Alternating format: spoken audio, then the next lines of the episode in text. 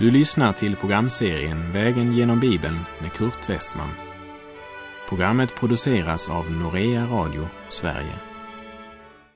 Vi befinner oss nu i profeten Haggais bok. Slå gärna upp din bibel och följ med. Vi avslutade förra programmet med att tala om trofasthet. Ett amerikanskt missionärspar som trofast höll ut fast de under 20 år inte såg något resultat av sin gärning. De klagade inte, sa inte, det här är fel tid att evangelisera här, utan förblev trogna. Och idag bär deras arbete rik och stor frukt, därför att den som blev vunnen genom deras arbete idag producerar våra bibelprogram till Iran. Så säger Herren Sebaot. Detta folk säger tiden har inte kommit, tiden att åter bygga upp Herrens hus. Vi läser Haggai 1, vers 3 och 4. Och Herrens ord kom genom profeten Haggai, han sade, är det då tid för er själva att bo i panelade hus medan detta hus ligger i ruiner. De människor som sa att tiden för att bygga Herrens hus inte hade kommit hade alla byggt sig sina egna hus. Tiden för det hade tydligen kommit. Och Herren påpekar att det var panelade hus, det vill säga påkostade hus, hus med hög standard och under 15 år medan de byggde på sina egna påkostade hem så hade Herrens hus legat öde. Så är det för många än idag. Först ger man till känna att man gärna vill hjälpa till i församlingsarbetet, men så blir man så upptagen av allt man skaffat sig eller planerar skaffa sig att man inte vill binda sig till några förpliktande uppgifter. Man vill vara med när man har tid och lust. Denna bekväma linje väljer man med gott samvete och ursäkten heter ofta det är nog inte Guds vilja att jag ska vara med den här gången. Men när det gäller något de ska göra för sig själva så går de bara igång och gör det eller hur? De flesta är på det sättet. Vi gör allt det som krävs för att uppnå det som alltid är till vår egen förmån. Det måste helt enkelt göras. Det kan bara inte vänta. Nu måste vi få det gjort. På Haggais tid, hur i all världen klarade folk av att bygga sig panelade hus. Det var säkert problematiskt. Men de var inte villiga att kämpa lika uthålligt när det gällde Herrens hus. Och deras ursäkt var att tiden hade inte kommit. Tiden hade inte kommit just nu för att bygga Herrens hus. Jag börjar bli ganska trött på att höra den ursäkten för att inte gå in i några bindande uppgifter som kräver att man ibland måste avstå från det man skulle göra för sig själv. Hur mycket frågar de egentligen efter Guds vilja? Bara därför att något är krävande och medför vissa svårigheter betyder därmed inte automatiskt att det inte är Guds vilja Låt mig få säga det rakt ut. Det är inte så man tolkar Guds vilja. Ibland är Guds vilja både svår och krävande för vår kötsliga bekvämlighet. Om vi verkligen kunde lyssna till några av Guds tjänare i det förgångna så kunde de berätta att Herrens vilja inte alltid var någon dans på rosor. Jag undrar vad Abraham skulle säga om alla kristna idag som säger det är nog inte Guds vilja att jag ska göra det eller det. Abraham levde i Ur i Kaldeen och utan tvekan var han en av dem som lyckats ganska bra och var välbärgad.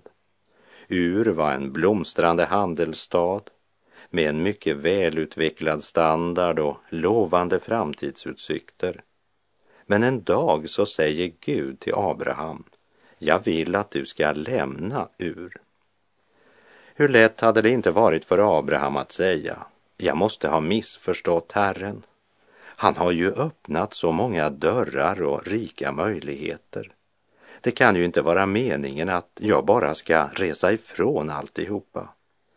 Jag har ju fått förståndet för att jag ska använda det. Jag kan ju tjäna Gud här. Det vore ju att ringakta Guds välsignelse om jag reste ifrån allt det här. Han kan ju inte mena att jag bara ska sticka iväg utan att veta vart jag ska eller varför jag ska resa. Undrar vad Gud egentligen menar med att jag ska lämna ur. Nu gäller det att tolka budskapet rätt. Han menar nog att jag ska bo kvar här, men leva så att jag är redo att resa härifrån om den dagen skulle komma. Men jag måste ju tänka på Sarai, familjen och tjänarna. Än idag finns det många Herrens vittnen som lever sina liv under de största uppoffringar. Varför? Därför att de tror att det är Guds vilja och kallelse att resa ut på missionsmarken eller till annan gärning i hemlandet. Jag undrar hur många av oss här hemma som egentligen skulle ha varit ute på missionsmarken och hur många av dem som reste som egentligen aldrig borde ha rest ut. Många återvänder när de börjat lära känna folket, språket och kulturen. Det är inte längre rätt tid för dem att bygga Guds rike. Olof Kolmodin skrev följande minnesvärda rader. Här gäller att kämpa mot djävul och värld, att inte bedåras av högmod och flärd. Allt själviskt och syndigt försaka i grund och hålla sig redo att lida var stund. Och det gäller även vår hållning till arbetet här hemma i den lokala församlingen, bland skolkamrater, arbetskamrater, grannar, släkt och vänner. Det verkar aldrig vara rätt tid för köttet att offra något för att göra en insats för Gud och hans rike. Det är alltid något annat vi menar att vi först måste göra.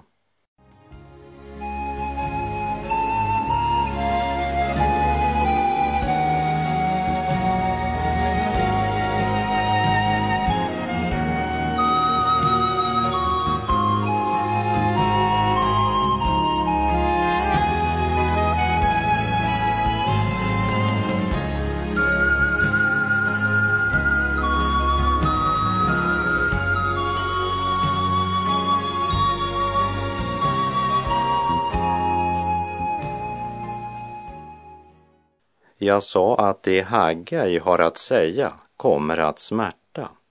Han skulle aldrig ha vunnit någon popularitetstävling.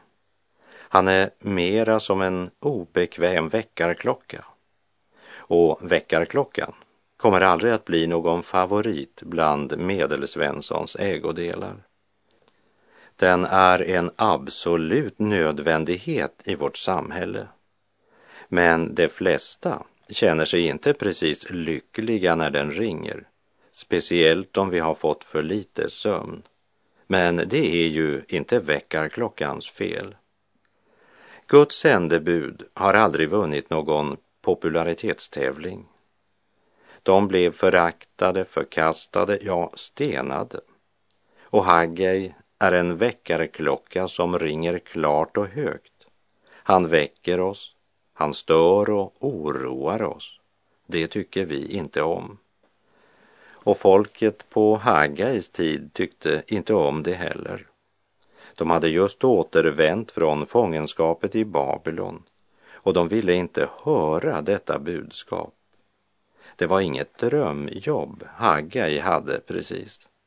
Hans kallelse var att väcka upp folket, kalla dem att tjäna Gud och hans sätt var högst ovanligt, även om han inte var den första som stått i denna kallelse. Och även om Haggais metod inte används idag så tror jag det skulle vara effektfullt även idag för arbetet i Guds rike. Gud riktar uppmärksamheten på något högst praktiskt, något som går rakt in i vår vardag. Vi läser Hagga i kapitel 1, verserna 5 till och med 7. Så säger nu Herren Sebaot, lägg märke till hur det går er. Ni sår mycket, men skördar lite. Ni äter, men blir inte mätta. Ni dricker, men släcker inte törsten. Ni klär er, men blir inte varma. Den som får inkomst får hål i börsen. Så säger Herren Sebaot. Lägg märke till hur det går för er. Gud hade tagit bort välsignelsen. Hans dom hade drabbat dem på det materiella området. Men de förstod inte att det var Guds dom.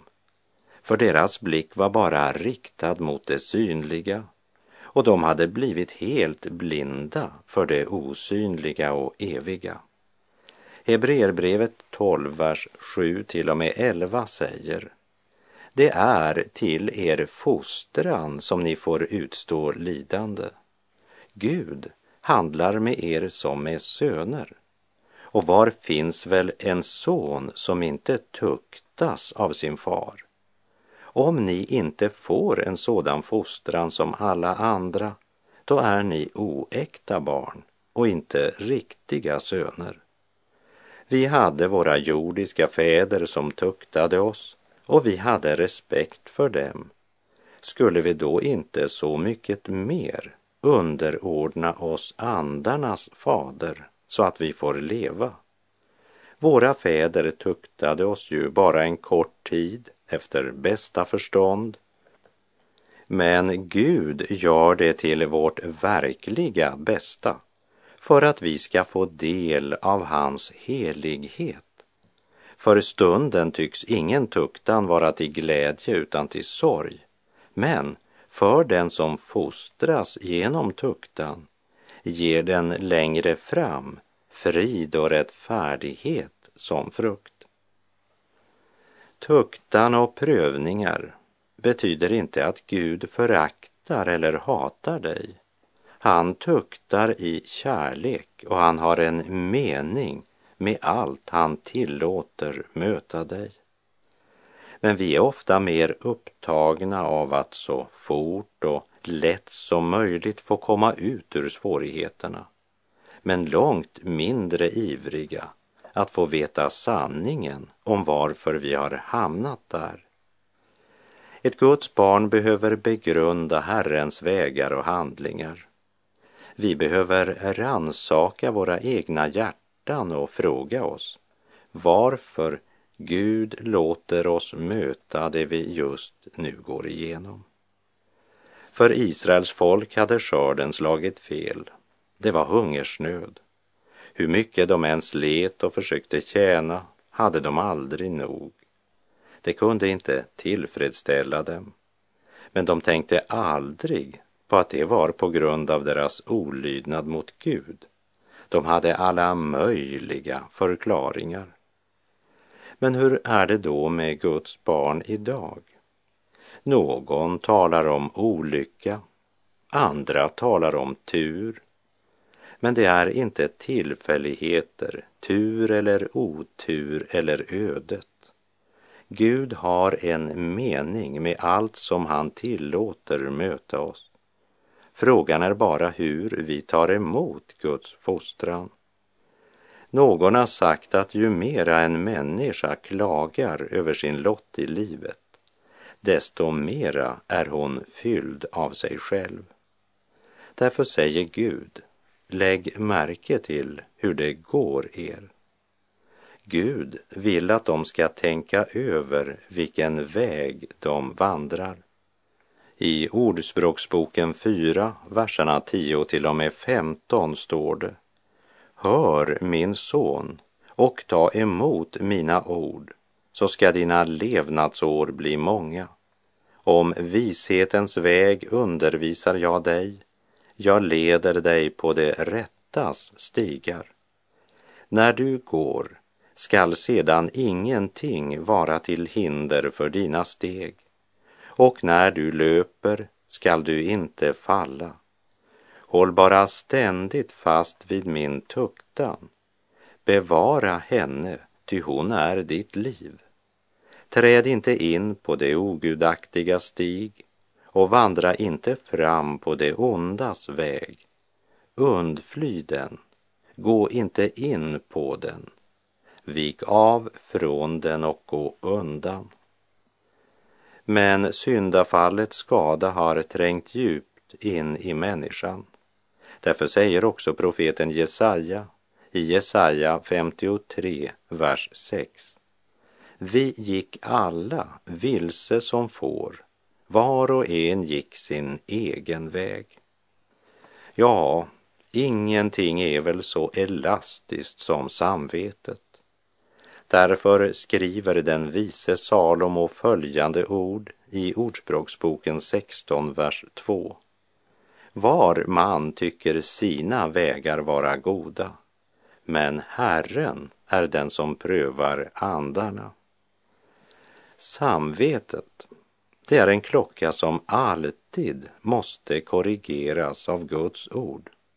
Om samvetet inte dagligen korrigeras av Guds ord så är det nästan inga gränser för vad människan kan få frid med, som de brukar säga.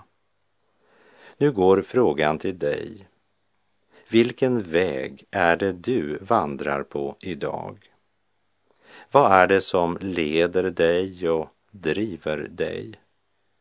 Vandrar du på minsta motståndsväg? Eller är du redo att lyssna till Guds förmaning genom profeten Hagai?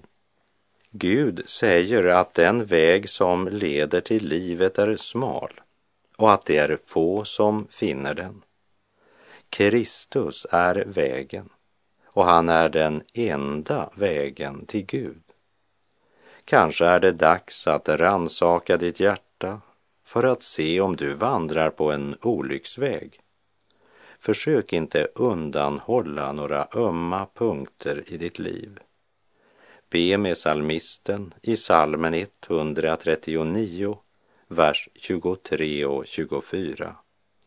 Utforska mig, Gud, och känn mitt hjärta. Pröva mig och känn mina tankar Se till om jag är på en olycksväg. Led mig på den eviga vägen.